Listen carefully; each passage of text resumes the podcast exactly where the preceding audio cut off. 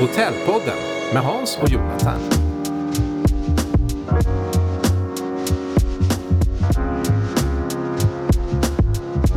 Ja, då hälsar vi alla välkomna till eh, Hotellpodden. Och det är jag som är Hans Karnold och jag sitter här med eh, självaste producenten Jonathan som också är en, eh, jag vet inte hur jag ska titulera det här riktigt, men du kanske ska tituleras eh, lite ordningsman? Alltså jag är ju egentligen filmproducent. Just det. Så att jag ser ju det här som ett, ett stort nöje att få jobba med röst som inte är så superuppstyrt som, som bild ofta är. Så jag har min bakgrund som filmproducent eh, och tycker att det här är superroligt. Varför gör du det? Gillar du hotell? Har du bott på hotell? Det är jag som ska fråga dig Hans, för det är du som är hotellnörden här. Eh, jag, jag har förstått att när du kommer till en ny stad så det första du gör är att söka upp nya hotell, men inte för att bo där utan för att känna av stämningar, är det så? Ja, jag älskar hotellstämningarna. De är, det är fantastiskt. Jag går in i varenda lobby som jag någonsin kan eh, se och komma åt alltså. Jag är, du har rätt i det, jag är nördigt hotellintresserad. Men, men, men berätta, vad, vad är ett hotell förutom att eh, bo på, att sova på? Och det är jättemycket. Det är stämningar, det är eh, eh, saker och ting som händer mellan människor, det är upplevelser. Du är på ett hotell av en anledning. Du ska uppleva staden, du ska ta en drink kanske, du ska träffa, du kanske har en date. Eller också så är du på ett eh, möte, en konferens och träffar nya människor. Det är helt underbart. Det händer så mycket. Jag älskar att bara sitta i en lobby och titta på människor. Vi har en annan gäst här också. Vår gäst på Raycards Group är en framstående ledare inom hotellbranschen. Under hans ledning har Raycards Group utvecklat och förvaltat en imponerande portfölj av hotell med hög standard och gästservice. Vår gäst är känd för sitt strategiska tänkande och sin förmåga att skapa lönsamma och hållbara verksamheter. Hans dedikation till kvalitet och gästnöjdhet har gjort honom till en respekterad aktör i branschen och en förebild för andra inom hotellentreprenörskapet. Välkommen Magnus Wetterholm. Det är fantastiskt att ha det här. Magnus, välkommen. Tack så mycket. Temat på denna podden, på detta avsnittet, är ju det lite märkliga. Går det att driva hotell under brinnande krig? Och eh, det är det vi ska resonera runt. Hotellbranschen, hotellvärlden är fantastisk. Den ger möjligheter på alla håll och kanter. Man kan komma runt i världen och, och träffa människor och jobba på olika platser. Och jag vet ju Magnus att du har jobbat eh, i Karlstad, Stockholm, Göteborg. Men också utomlands en hel del. Mm, du har varit i stämmer. solen och jobbat. Jag har varit i solen och jobbat på Barbados under ja, nästan två år. Exakt, fantastiskt. Och sen så tog du steget och du hamnade i Ukraina. Men du har varit där länge nu. Ja, eh, steget till Ukraina togs i och för sig via Sankt Petersburg. Ja. Eh, jag flyttade till Sankt Petersburg i eh, slutet på 2009 och sen så lämnade jag Ryssland för en befattning i Ukraina då i slutet på 2012. Eh, och sen dess har jag fortsatt att arbeta för samma företag som heter Reikarts. Eh, vi har en ganska blygsam tillvaro i Sverige. Vi har två hotell. Ett litet hotell i Norrtälje och ett litet hotell i Göteborg. Eh, vi hoppas att det ska bli fler hotell framöver men detta är vad vi har att arbeta med nu. Eh, men vi fortsätter att arbeta utomlands, inte minst i Ukraina där vi är stora. Ja. Berätta om din roll i, eh, inom Reichardt-gruppen och hur är, hur är den strukturerad och organiserad, gruppen? Jag, jag flyttade då som jag sa i slutet av 2012 till, eh, till Kiev och då eh, för en tjänst som eh, eh, operationell direktör för eh, gruppen som då bestod av ungefär 30 hotell. 2012, förlåt. Det, det är ju då två år innan någon rysk invasion överhuvudtaget. Precis, Så där ja. fanns det ju inte spåret av, av krigstillstånd 2012, vad jag förstår. Eh, nej, det gjorde det inte. Men jag har ju då haft eh, eh, oturen får man väl säga att arbeta ett företag som har egentligen upplevt en revolution 2014 och eh, en, en eh, regelrätt invasion och ockupation av vissa delar av Ukraina som vi befinner oss i nu då. Sen Ryssland började sin aggression. Eh, arbetet, jag, jag har hela tiden jobbat operativt. Det, det, jag har haft egna hotell, jag har varit anställd men egentligen alltid varit eh, större delen av tiden på golvet. Och jobbat med gäster, jobbat med personal, jobbat med produkten. Eh, när jag kom till Reykjavik då i slutet på 2012 då blev det mitt första skrivbordsjobb kan man säga. Och jag hatade varenda minut från början för det här var inte jag. Det, det, jag saknade gästerna, jag saknade personalen. Eh, mina kollegor tyckte jag var en konstig typ som kom utifrån då. Vad hade jag där att göra och så vidare. Va? Så att eh, jag ska villigt erkänna att jag, jag eh, såg ganska mycket på möjligheten att återvända framförallt till Sankt Petersburg, en stad som jag älskade och älskar fortfarande. Men eh, med, med tiden så smälte jag in i rollen lite grann och tyckte att det här var ganska intressant faktiskt. Eh, och vi hade framförallt fördelen av att jobba tillsammans med, med eh, gruppens ägare som heter Juri Vasin. En oerhört dynamisk och eh, aktiv ägare som eh, älskar att sitta bil och köra runt på skumpiga vägar i Ukraina. Eh, så jag har fått min släng av sleven när det gäller eh, ruskiga bilfärder så att säga. Mm. Men, det har varit en intressant resa och den pågår fortfarande. Fantastiskt. Och de 30 hotellen som du hade då, har ni eh, växt i omfång? Är det fler hotell idag? Ja, det, det är fler hotell. Vi, arbetar, vi har ungefär 45 hotell som vi äger och driver själva. Och sen har vi ett 20-tal hotell som är partnerhotell eh, där vi hjälper till med bokningar och vi även när det gäller inköp och den typen av... Eh, så vi, vi, har växt ganska kraftigt men framför allt där vi växer idag det är i länder som eh, Uzbekistan där vi har gått ifrån noll hotell till 11 hotell på tre år. Eh, Turkiet där vi nu är uppe i fyra hotell. I Tyskland har vi skaffat vårt femte hotell precis. Eh, Azerbajdzjan och Kazakstan är vi också verksamma i. Georgien. Så det, fokus ligger väl kan man säga på gamla Sovjetrepublikerna. Man hör ju redan nu att eh, den erfarenheten du har skaffat dig under de här tio åren som du varit på Reykjavik Group, den mm. är ju helt unik utifrån ett skandinaviskt perspektiv åtminstone. Att driva hotell i krig. Att driva hotell i krig.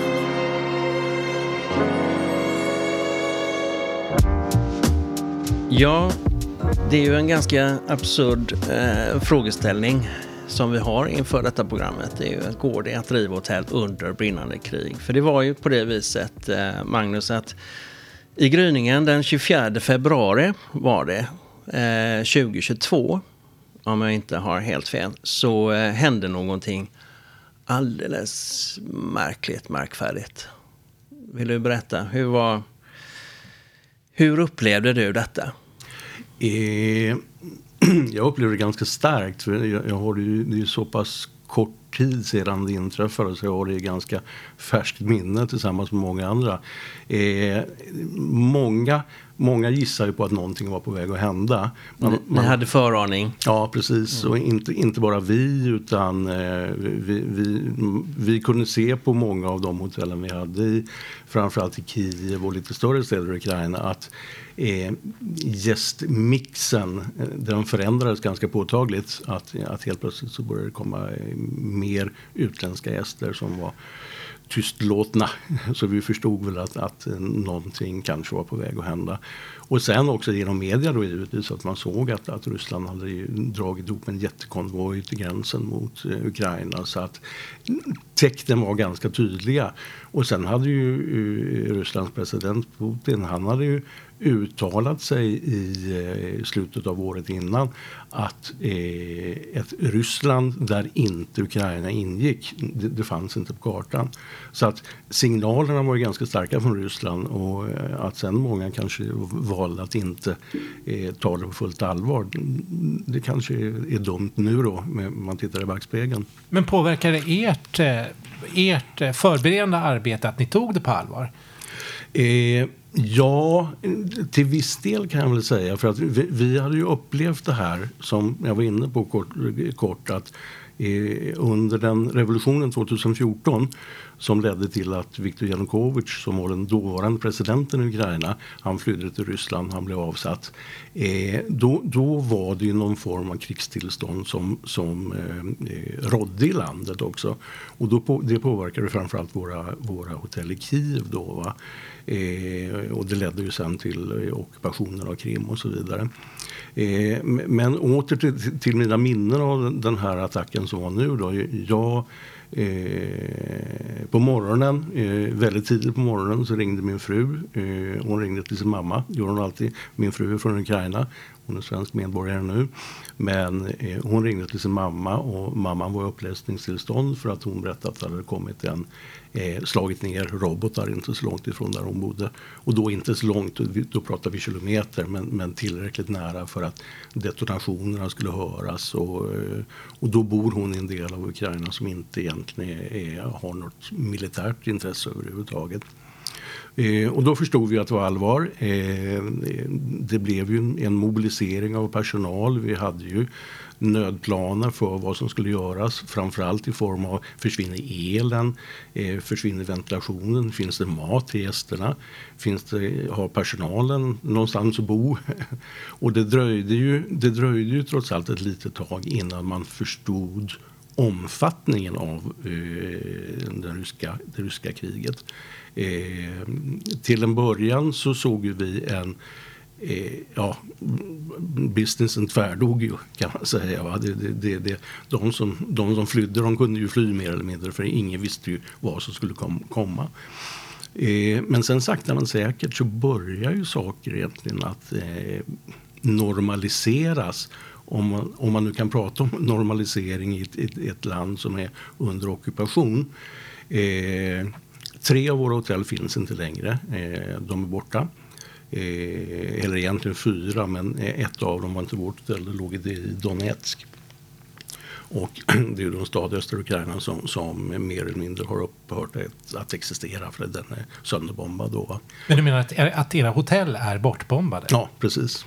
Så att tre av dem, eller två av dem, ett är bortbombat helt och hållet och det låg i den här vid det här laget ganska kända staden Mariupol där det var hemska strider i det här stora stålverket. Eh, vid eh, en stad som heter Nikolajev som ligger precis vid den stora floden som rinner genom Ukraina. Där skadades hotellet ganska allvarligt eh, men är nu under återuppbyggnad igen. Och nu för inte så länge sedan så eh, sköt man robotar mot en stad som heter Zaporozhia och det är då gamla kosacktrakter eh, för de som kan lite historia. Det hotellet fick två, två robotar som eh, träffar, inte hotellet, men träffar parkeringen på utsidan. Med följd att eh, eh, det var, hela fasaden sprängdes bort fullständigt. Och eh, hotellet är inte förstört men det kommer att dröja kanske ett halvår innan det återuppbyggdes igen. Det hotellet var för tillfället då när attacken skedde det var totalt uthyrt till FN. Eh, som hade, vi hade ju personal på plats. Eh, vi hade inga kollegor som avled, tack och lov. Men eh, det var eh, personer som omkom i den här attacken. Så vi, vi ser ju det här och vi upplever ju det här under en, en, en hela tiden. Och I och med att man inte vet egentligen vad som rör sig i, i, i Putins huvud Eh, vad, är de, vad, är, vad är taktiken? Vad är strategin? Strategin är givetvis att mer eller mindre lägga under sig hela, hela Ukraina, vilket man inte kommer att lyckas med. Men vilken, vilken taktik använder man så att säga? Och vi ser väl idag att det börjar bli mer och mer eh, oförutsägbart. För att städer då som kanske Lviv som ligger då i västra Ukraina nära Polen där har man varit ganska förskonad från, från attacker än så länge. Men det har förekommit men inte i den grad som andra städer har blivit utsatta för. Men så vi vet ju tyvärr inte idag att, eh, vad, vad, som kommer att ske. Vad kommer nästa bomb att träffa? Kommer den att träffa ett hotell i där eller här eller inte alls? Men hur lever man med detta? Så jag tänker både på er och på er personal om ni har en, ett hotellbestånd och plötsligt är två bortbombade. Alltså hur hanterar man det i de övriga hotellen? Man, man, i, I början så hanterades vi, det, det var ju en chockartad upplevelse givetvis. Det här kan man inte ens föreställa sig. Och det ska jag också villigt Jag har inte varit i Ukraina sedan kriget inträffade. Så att jag vet ju bara vad jag har när jag pratar med mina kollegor. Så, att, så mm, den informationen får jag därifrån.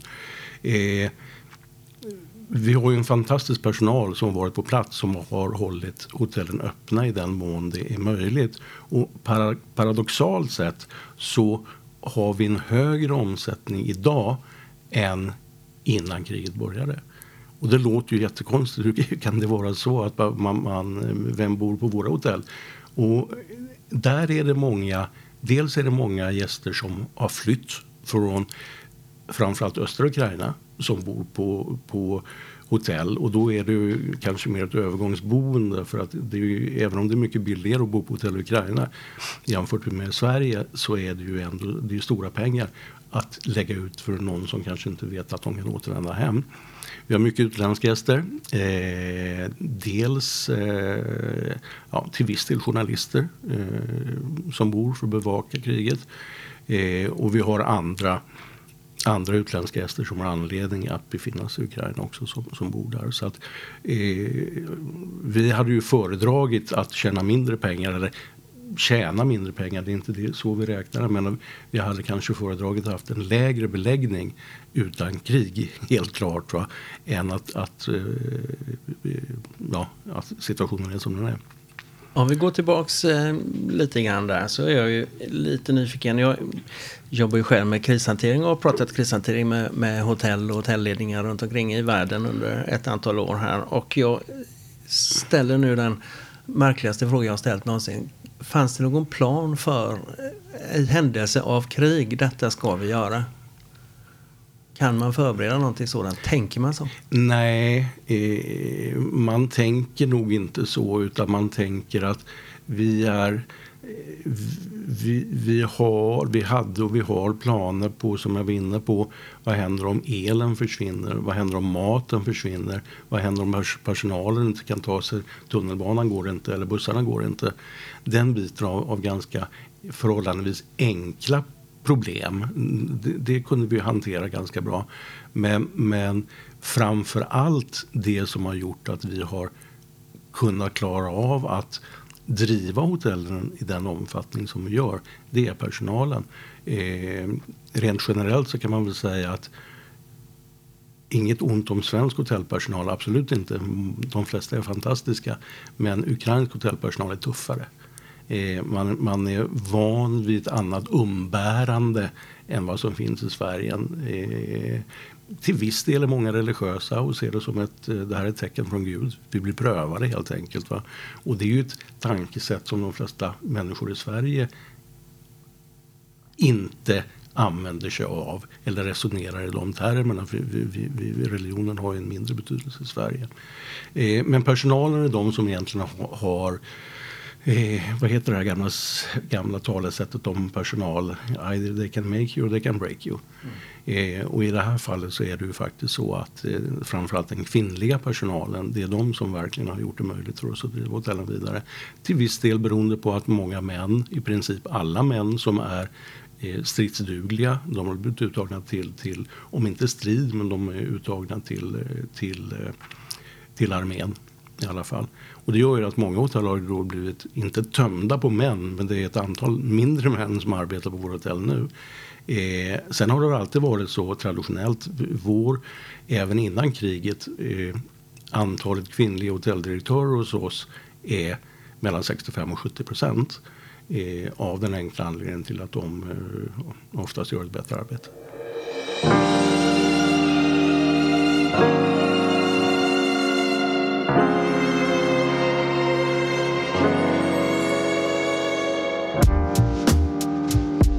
Eh, vi ska återkomma till personalen just, för det har ju varit er styrka i, eh, under den här perioden vad jag förstår. Eh, jag är också lite intresserad av att eh, höra hur tog ni besluten? Vilka var de första besluten ni tog när ni hade ert första ledningsgruppsmöte efter det här hade inträffat? Kan du ta oss igenom det lite grann där? Ja, det, det som, det, det, första var ju, det första var ju faktiskt att måna om personalens säkerhet. Det, det, det, är ju, det var vår viktigaste uppgift att se till att, att göra en inventering på hur, hur ser det ut på respektive hotell och så vidare. Då, va? Och utifrån det tillsammans med, med personalen som var på respektive hotell se på möjligheterna att eh, bibehålla driften Fast vi då inte visste, skulle vi få mat, skulle vi få el, skulle vi få någonting då? Va? Och framförallt att vi, vi även ställer ju frågan att vill ni fortsätta arbeta?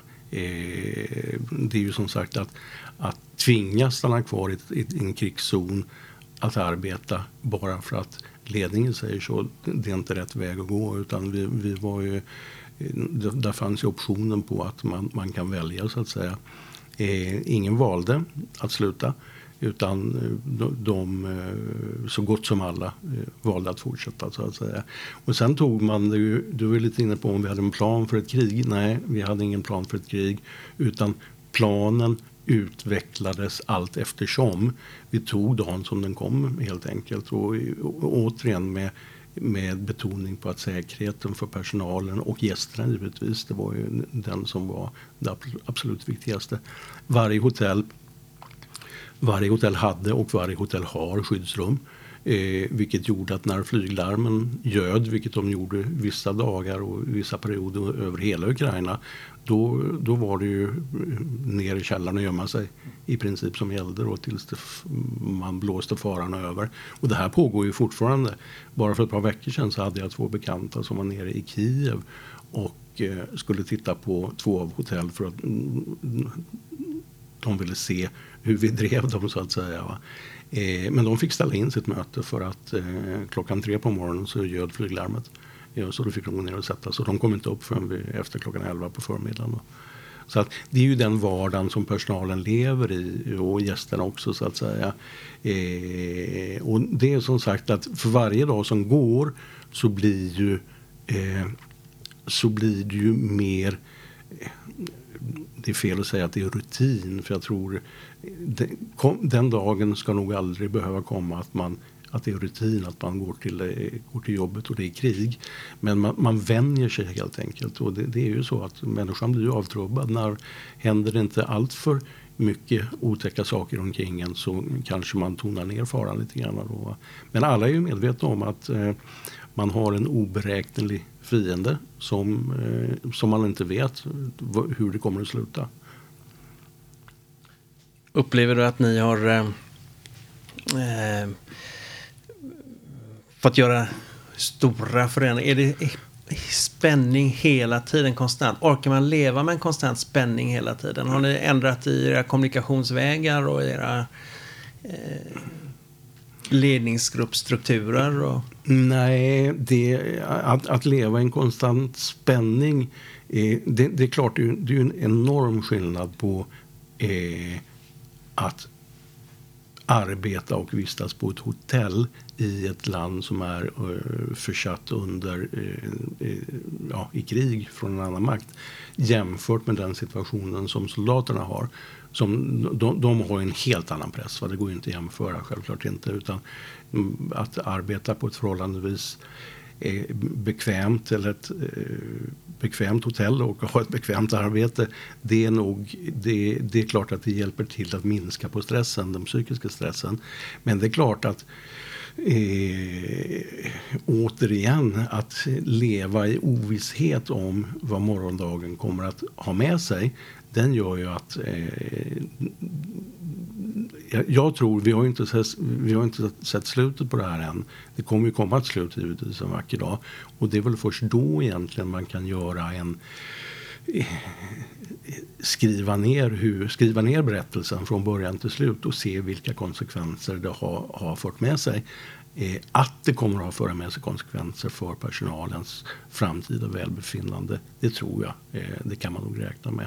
Men förhoppningsvis då så kanske de eh, kommer att komma ur det någorlunda.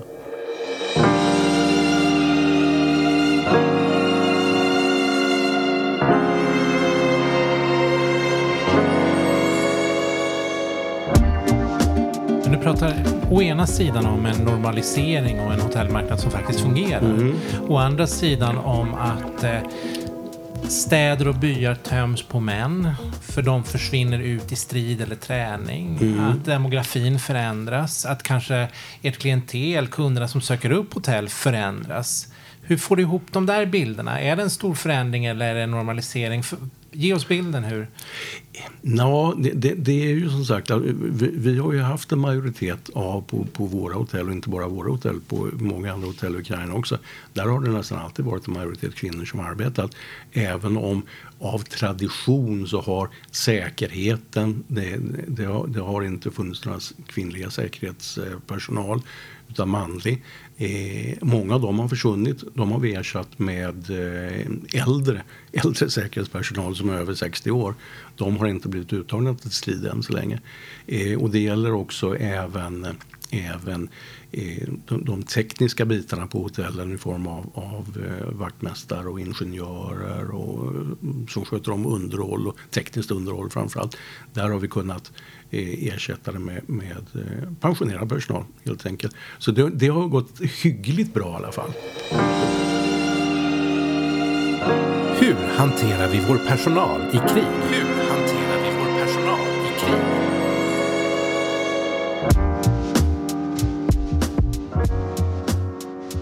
Det är verkligen eh, helt omöjligt att föreställa sig hur man kan jobba med i, i ett serviceyrke, möta gästen, eh, försöka skapa ett lugn eh, utifrån ett professionellt perspektiv när nära och kära ligger ute vid eh, fronten och, och eh, man vet inte när, vad nästa samtal bär med sig. Ehm, hur har ni förändrat er, er kommunikation med, med personalen? Har, det, har ni stärkt upp banden?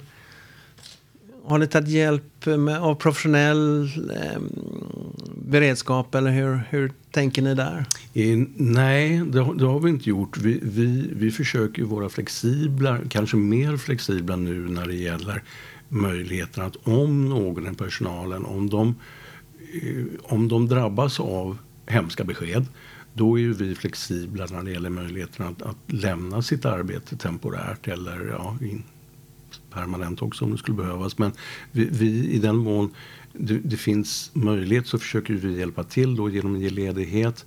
Kanske även se till att få hjälp med transporter och så vidare om man måste åka och återvända till sin familj. Ukraina är ett väldigt stort land, det är en och en halv gånger den svenska arealen. Och Sverige är ett stort land. Då.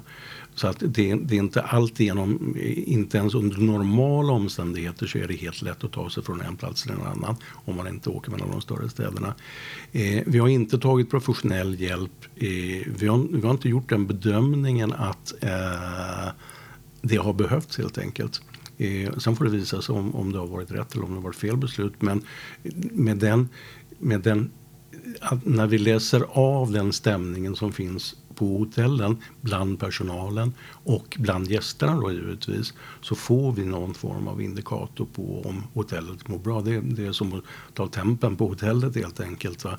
Eh, är det så där lite lagom varmt och skönt så är, är det nog ganska varmt och skönt. Eh, blir det för, för hett va? Då, då, då är det inte bra. Men vi ser ju det att kanske eh, våra gäster de har också kanske minskat på sina krav lite grann. Eh, man förväntar sig inte... Det är, det är viktigt att förstå att vi, Reichards har aldrig drivit några lyxhotell eller femstjärniga hotell och det kommer vi aldrig göra heller. Vi jobbar i trestjärnigt och fyrstjärnigt, eh, framförallt trestjärniga hotell. Och det är en av anledningarna kanske till varför vi har blivit framgångsrika. För det har egentligen inte funnits någon bredd ibland tre trestjärniga hotell. ute i- Så det gör att vi har blivit attraktiva. Men våra gäster, de är ju medvetna om de svårigheterna som inte bara vi utan ukrainska folket och, och hela, hela samhällsstrukturen står inför. Och det gör att vi upplever väl att våra gäster kanske de sänker eh, kraven på eh, vi har ingen som viker svanar av toaletthanddukarna längre. Va? Det har vi nog aldrig gjort i och för sig. Men, men den, typen, den typen av service efterfrågas inte, inte på våra hotell i alla fall. Och det är klart att då är det ju då är det lättare att leverera en bra produkt där viljan att ge god service fortfarande finns men gästernas krav och behov är kanske inte riktigt lika höga som de var innan kriget började. Och då möts man på ett annat sätt. Eh, det, det, eh, så är det ju ibland när man har jobbat inom hotellbranschen. Det vet ju du Hans. Eh, att en del gäster kan ju vara väldigt, väldigt krävande. Och med all rätt, betalar man mycket pengar för ett hotellrum så ska man, förväntar man sig en, en viss service. Så att säga. Men, men det, det låter paradoxalt att säga det, men till viss del så är det lättare kanske att få nöjda eller nöjdare kunder nu just med tanke på att servicenivån möter kravnivån från gästen på ett annat sätt. Men det viktigaste är ju det viktigaste är ju att både gäster och personal känner sig trygga. Eh, för kommer du till ett hotell där personalen är rädd eh, då tror jag inte att man kommer kanske stanna på det hotellet eller man kommer inte trivas på det hotellet i alla fall. Men kan ni påverka det? Alltså jag känner eh, det är väl svårt för er som hotelleverantör att påverka hur ska man säga, trygghetsnivån, eller? Ja, det, det är det. det. det. räcker ju inte att säga att eh, ni kan bo hos oss för här är det tryggt, här kommer det inte hända någonting. För det, det kan ju inte vi lova. Eh, vi har ju sett det på, på de hotellen som har blivit skadade eller förstörda. Att det här kan ju tyvärr inträffa i, i, imorgon igen. Och det är ju ingenting som vi kan göra åt det. Och vi, vi pratar ju om hotell över hela Ukraina, eller hur? Inte ja. bara Kiev och nej, inte bara, utan ja, över spritt Ukraina. över hela mm. landet. Precis, ja, precis. Så. Och det, det, är ju, det gör ju då att de hotellen som ligger i närmare den östra delen av Ukraina. Det finns en stad som heter Sumi till exempel där vi har hotell. Eh, jättefint.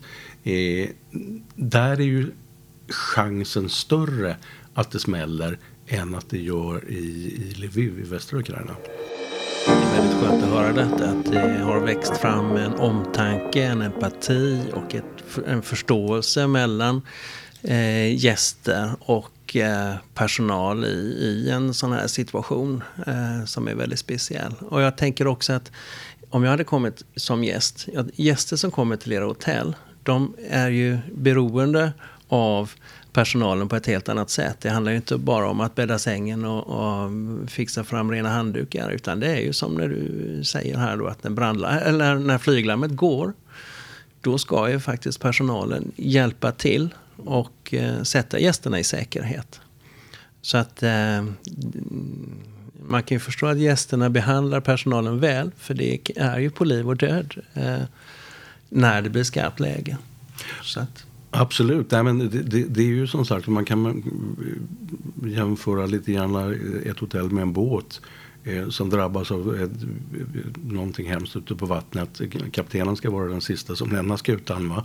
Och, och, och, så är det ju hos oss också. Att, eh, att när gästerna har placerats eller har hjälpts att ta sig till skyddsrummen då kommer personalen efter. Sen har ju vi då givetvis, jag menar vi har ju, vi har ju minimibemanning på nätterna. Det finns alltid folk på plats. Det gör det tillräckligt många för att kunna hjälpa till när det, och sen så får ju gästerna då givetvis, de får ju instruktioner på vad ska ni göra. Ja, det här måste ni göra först och sen så kommer personalen hjälpa er.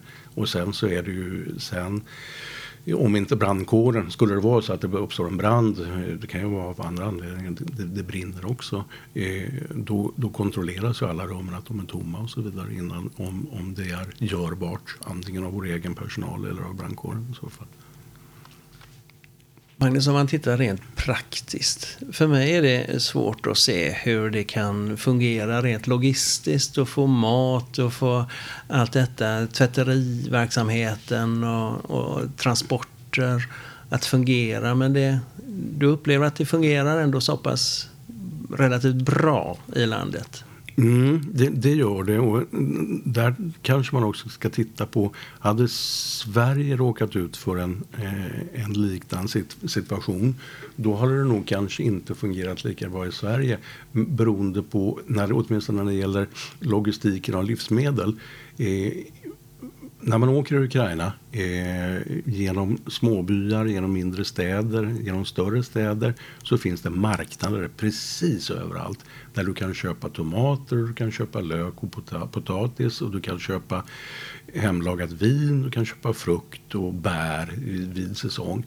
Och, eh, en stor del av den ukrainska befolkningen de, de handlar ju på de här marknaderna. Det är klart man går till, till en, en supermarket också då. Va?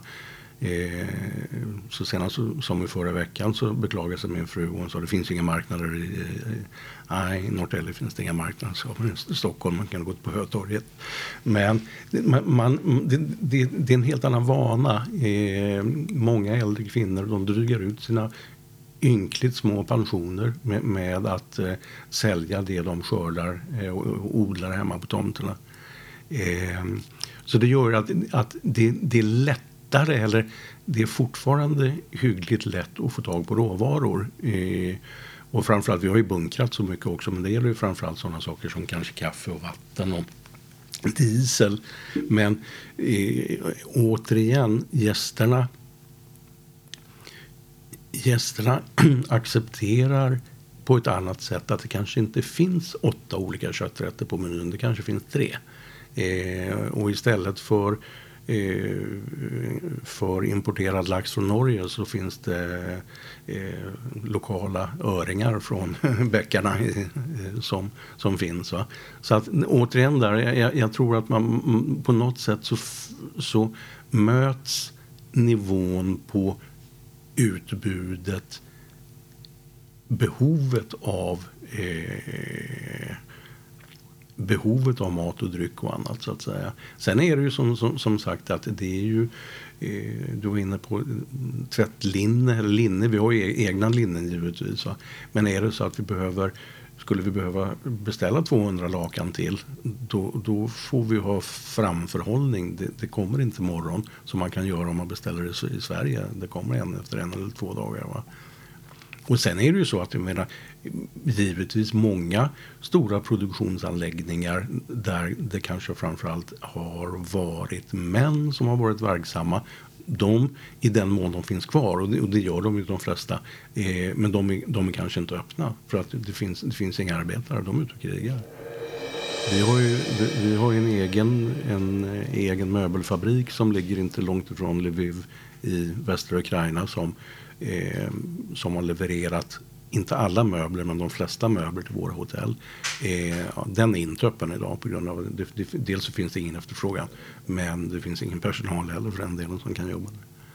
Men jag tänker att eh, risken finns ju att en robot slår in med full kraft i något av era hotell. Den mm. risken måste ni leva med. Mm.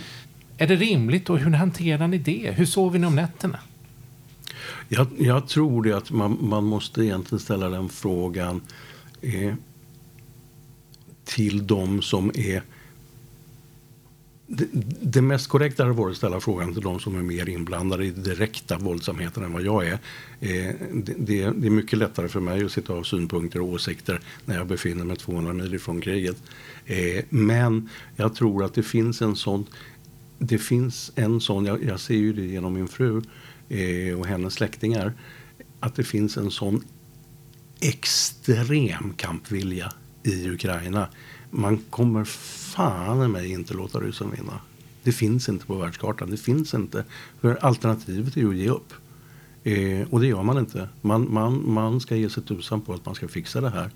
Eh, och det tror jag verkligen att man kommer att lyckas med. Eh, det kanske inte tar slut nu. Det kanske inte tar slut om tre månader, det kanske inte tar slut för nästa år, det vet man ju inte. Men en dag så kommer det ta slut och då tror jag att det är den här extrema kampviljan eh, och den totala oacceptansen av att låta en annan främmande makt diktera villkoren. Det tror jag eh, är den enda anledningen egentligen till att landet överhuvudtaget fungerar. Och vilket gör också att det här är ju inte bara om du ser på vårt ansvar som, som ett företag där vi förväntas ta hand om gästerna, vi förväntas ta hand om personalen. Att då, precis som du säger, hur kan vi sova på nätterna när vi, vi har hotellen öppna medvetna om att det kan smälla? Eh, så återigen, alternativet hade varit att lägga sig ner på rygg och det gör vi inte. Våra hotellminnen. Våra hotellminnen. Jag tänkte Magnus att vi eh, avrundar lite i en positiv anda ändå. För du har ju berättat för mig att Ukraina är ju ett fantastiskt land. Ni har mycket underbara, men många underbara människor och eh, mycket att titta på och uppleva. Du måste ju ha ett stort antal härliga hotellminnen att berätta. Vill du dela med dig? Ja, eh, de, de, är, de är många och egentligen så är det inte så himla många som verkligen sticker ut. Utan mina positiva minnen, det, det, man ska ju se det när, när, när jag reser runt, eller reser runt, eller har rest runt framförallt när, framförallt när, jag, när jag var stationerad i Kiev. Eh, då är det klart att mina medarbetare, de behandlar mig lite annorlunda. Så är det ju. Det, det, det, är ju. Även om man önskar att de inte hade gjort det. Men det ligger i sakens natur att kommer chefen på besök så är det, är det och oftast kommer jag besök med den allra största chefen också, vår ägare då. Va? Så att då var det ju bra. Men jag skulle vilja påstå det att, att det är de här eh, små detaljerna som ändå visar att folk tänker. En sak som jag kommer att tänka på. Eh, vi hade en konferens där vi hade, det hade vi inte alls det. Vi hade en utbildning där vi utbildade unga ukrainare i hospitality management. Så, eh, och då var en av delarna att jag skulle prata med det här med internationell, eh, vad, vad, varför ska ni jobba hos oss? För det finns så mycket ni kan göra i framtiden. Ni kan komma ut, ni kan börja jobba på, på Kempinski, ni kan jobba på alla möjliga ställen. Eh, och då, då, hade jag gjort ett stort misstag. För jag stod där fram och pratade och jag hade inte tagit med mig ett glas vatten. Eh, så efter en stund så, det var, damm, det var inte dammigt men det var lite, det var kriter och det var, så att till, till slut så började det kännas i, i, i halsen, det började klia då va. Och då var eh, vår personalchef, hon satt i första raden. Hon fattade direkt vad det handlade om. Så att eh, hon gick, hällde upp ett glas med vatten, gick fram och gav till mig. Eh, och då, då, tog jag det som ett exempel. Jag sa till, till alla som satt och, och lyssnade på det här. Jag sa att vi, vi stoppar här nu ett tag och så tittar vi på för så vad som just hände. Eh, och de tittade på varandra och sa vad var det som just hände? Jo, för att det ni just såg, det kan ni applicera på ett hotellarbete när det är, man kallar det anticipation of guest need.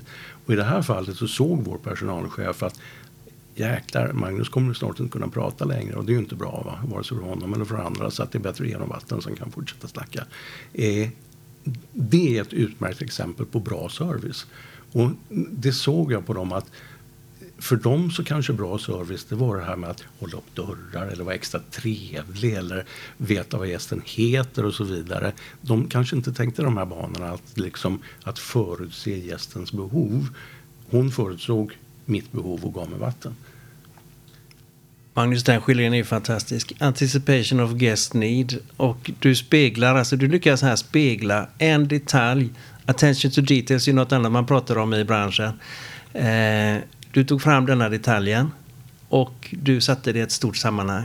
Och det, det var vackert. Fantastiskt härligt att, att höra. Ja, roligt. Det säger mycket om dig, Magnus.